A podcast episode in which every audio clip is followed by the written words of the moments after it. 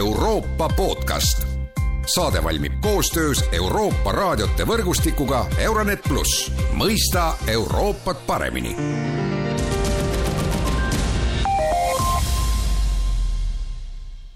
tere kuulama Euroopa podcasti. täna räägime muidugi Ukraina sõjast. Euroopa ühiskonnategelased on teinud üleskutse tunnustada Ukrainat Euroopa Liidu kandidaatriigina üks üleskutsele allakirjutanust oli Eesti endine peaminister ja praegune Euroopa Parlamendi saadik Andrus Ansip, kes on meil ka telefonil, tere päevast! tere päevast! mina olen Erkki Pahovski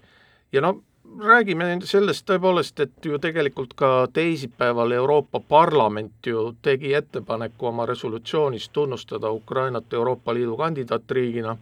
ja see teie eh, üleskutse oli mõne, mõni päev varem et tegelikult see protsess ju, ju juba käib, aga, aga Andrus Ansip, et võib-olla siis äh, see lihtne küsimus, et, et äh, miks, et noh, võib-olla me teame seda vastust, aga aga seda selgitust oleks ikkagi hea kuulda. et miks ei ole seda kõike varem tehtud või et äh, no jah, et, et miks ei ole seda varem tehtud ja miks nüüd, eks ole, et, et ju see, sellest Euroopa perspektiivist on ju Ukraina puhul ka varem räägitud, aga aga siis on neid nii-öelda tõrksaid Euroopa Liidu liikmesriike olnud ju päris palju. jah, no muidugi tuleb tunnistada, et äh, olukord on praeguseks väga tõsiselt muutunud ja, ja Ukraina jaoks ja kogu Euroopa ja, ja demokraatliku maailma jaoks äh, väga halvaendeliseks muutunud et olukord on äh, hoopis midagi muud, mis ta oli äh, veel kümmekond aastat tagasi. ja isegi äh, kaks tuhat neliteist loodeti ikkagi mingisugusele paranemisele ja Putini meelemuutusele, aga praeguseks on täiesti selge, et et Ukrainast on saanud see võitlustanner pimeduse ja valguse vahel ja Ukraina kaitseb äh, demokraatlike riikide huve, kaitseb meie väärtusi ja minu meelest on see praeguseks kõigile selge, et, et Ukraina äh, kuulub Euroopasse. samas, kui me meenutame minevikku, siis me, meile tuleb kindlasti meelde see, et, et kui me kirjutasime alla, ma mõtlen Euroopa Liit, sealhulgas ka Eesti, siis äh, Ukrainaga äh, assotsieerumislepingule äh,, siis äh, Hollandis Äh, pandi see äh, rahvahääletusele, referendumile. et seda küpsust, valmidust äh, Euroopa Liitu veelgi laiendada, seda viis aastat tagasi absoluutselt ei olnud. ja praegu vist ei ole väga kena isegi neid põhjusi otsida, aga, aga ilmselt paljudel Lääne-Euroopa riikidel oli meeles see, kuidas eelmine laienemine toimus ja kuidas tingimuslikult võeti Euroopa Liitu ka Rumeenia ja Bulgaaria, säilitati küll kontrollimehhanism, loodeti, et kõikidest takistusest saadakse kiiresti üle, aga kontrollimehhanism on siiani alles, loodeti, et uued liitunud riigid on nii samasugused ja samade väärtuste kandjad nagu, nagu Lääne-Euroopa inimesed, aga, aga siis tulid need Äh, õigusriikluse küsimused, äh, võimude lahususe küsimused Poolast, äh, Ungarist ja kõik see on tekitanud mingisugust tõrksust, aga ma küll julgen väita, et praeguseks see tõrksus on, on täiesti kadunud. ma arvan, et valitsev meeleolu on ikka selline, et kõigil Euroopa riikidel peab olema Euroopa Liiduga liitumise perspektiiv ja seega ma ei näe erilisi takistusi selleks, et äh, anda siis äh, äh, Ukrainale Euroopa Liiduga liitumisel kandidaatriigi staatus. liitumine iseenesest niisama lihtne ei ole, et lihtsalt hääletame ja ja, ja otsustame, et kui enamhääli on rohkem, et, et siis ongi sees. me mäletame, et Eesti puhul võttis liitumisprotsess aega kümme aastat ja küsimus ei olnud mitte selles, et keegi oleks kunagi noh, tõrksalt suhtunud Eestisse, vaid et me pidime oma seadusandluse täielikult kohandama Euroopa Liidu seadusandlusega. Euroopa Liit, see on ka suuresti majandusühendus ja majandused peavad toimima samade reeglite alusel, ainult siis on võimalik kaupade vaba liikumine, kapitali vaba, liikumine, teenuste vaba liikumine, inimeste vaba liikumine ja kui need reeglid on väga erinevad, siis kellelgi võib tahtmine kusagilt ühest kattaservast paksemat suppi endale keetma hakata ja, ja noh, see asi mitte kuidagimoodi ei, ei toimiks. nii et kindlasti tuleb anda selge siht, praegusel juhul siis Ukrainale, kui te täidate kõik tingimused, olete te Euroopa Liitu teretulnud. no kas ei oleks mõeldav teha Ukrainale mingis mõttes ka mingisugust hinnaalandust ju, riik on sõjas ja ja Euroopa julgeolekuarhitektuur on pöördumatult muutunud, anda talle mingisugune lihtsustatud ajakava näiteks ja ja, ja loota siis sellele, et Ukrainast tõepoolest saab kunagi Euroopa Liidu liige. Kandidaatriigi staatuse andmisel on see lihtsustus nagunii eeldatav juba, aga mm, liit saab ikka toimida siis, kui, kui üle liidu toimuvad, toimivad ja kehtivad ühesugused reeglid. no mäletame ka seda, kuidas Eesti liitus äh, Eurotsooniga.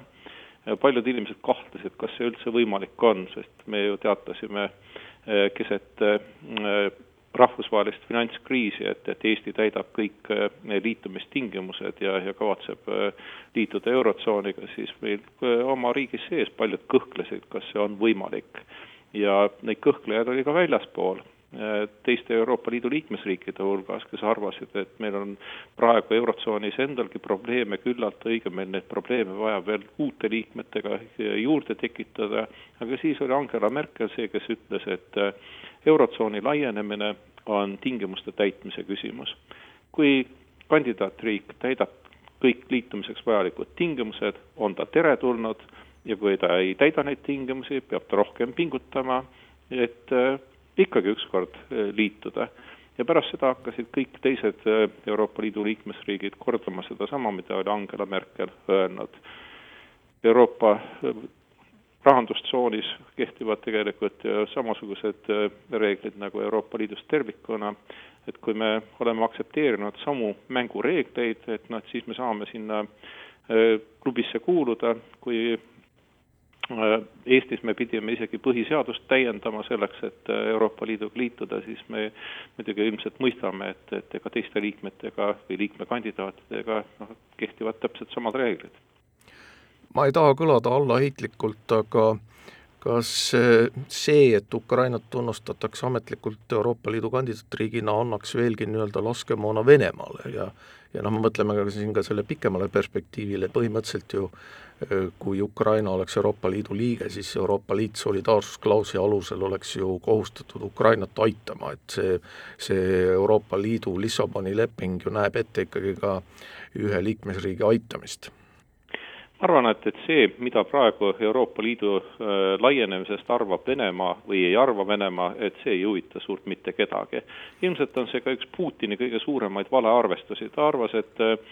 suhtumine Euroopast tuleb samasugune, nagu see oli kaks tuhat kaheksa, siis kui äh, Gruusiasse, Gruusiale kallale mindi või kaks tuhat neliteist Krimm Donbass, Ida-Ukraina, et kus reaktsioon noh, tunnistagem, oli ikkagi äh, väga, väga leebe muust, muult, mujalt maailmast ja, ja sealhulgas ka Euroopa Liidust ja äh, Eestis me oleme harjunud selle Venemaa agressiivse käitumisega, aga äh, Lääne-Euroopa riikide juhid noh, üritasid veel kuni viimase ajani mingisugust diplomaatilist lahendust leida. Putini ukse taga oli ju pres-, järjekord presidentidest, kes kõik tahtsid Putinit ümber veenda, mitte laskma tal siis Ukrainat rünnata, et nüüd on tulnud külm dušš, Putini arvamus ei huvita tegelikult suurt mitte kedagi, enam ei räägita nii palju siis isegi sanktsioonidest, vaid et äh, räägitakse isolatsioonist, et Venemaa tuleb äh, isoleerida nii majanduslikus mõttes, poliitilises mõttes kui ka kultuurilises mõttes. me näeme ka mm, seda, et ka spordis on juba tegelikult Venemaa ikkagi väga suuresti isoleeritud ja me ei pea seda kuidagi pidama mingisuguseks noh, niisuguseks tühiseks asjaks, millel pole mingisugust mõju. kunagi Lõuna-Aafrika Vabariigis inimesed rääkisid, et, et see murdehetk tuligi läbi spordi Lõuna-Aafrika Vabariigi inimestele. et Lõuna-Aafrika Vabariik oma aparteidi tõttu oli majanduslikult täielikult isoleeritud, täielikus blokaadis,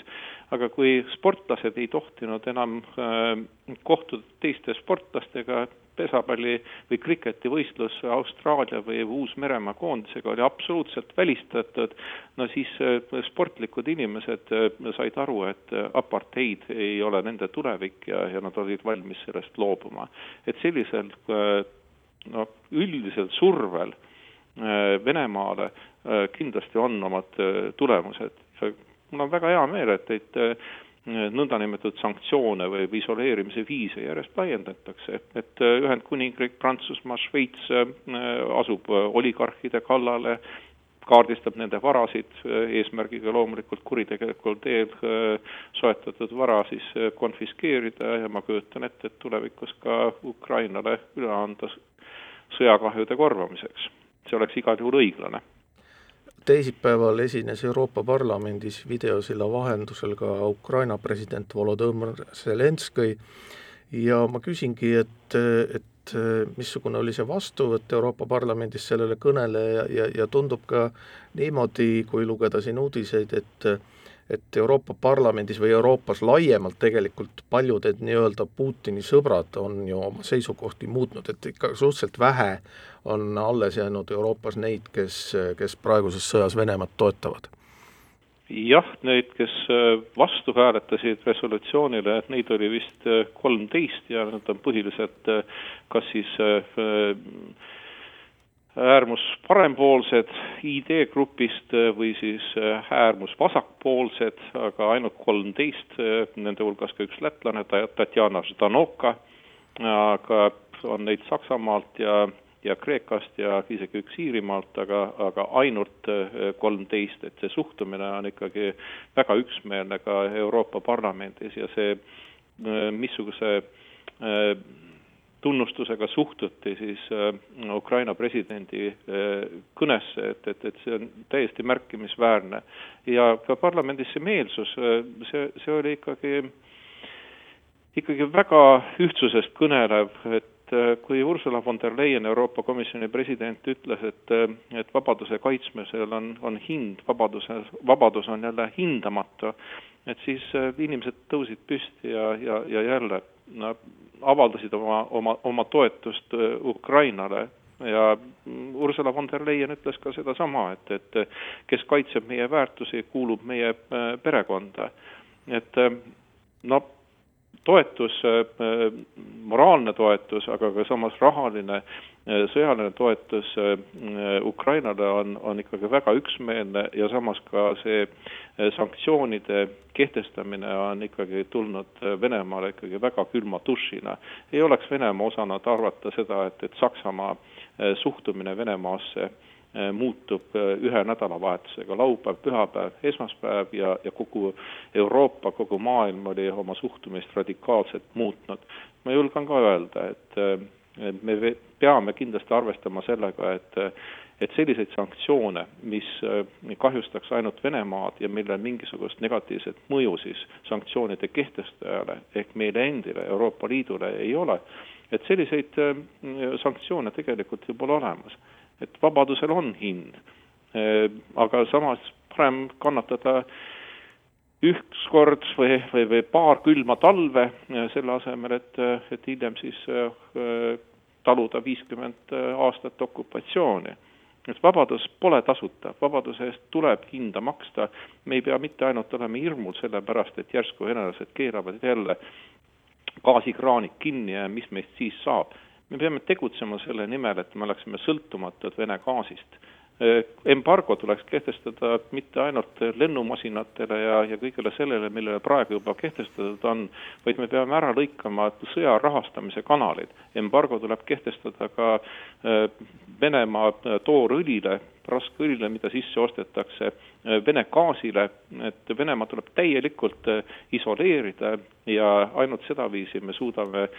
tegelikult taltsutada seda diktaatorit. Aitäh, Andrus Ansip, nende kommentaaride eest, kuulasite Euroopa podcasti, kõike head ja kuulmiseni!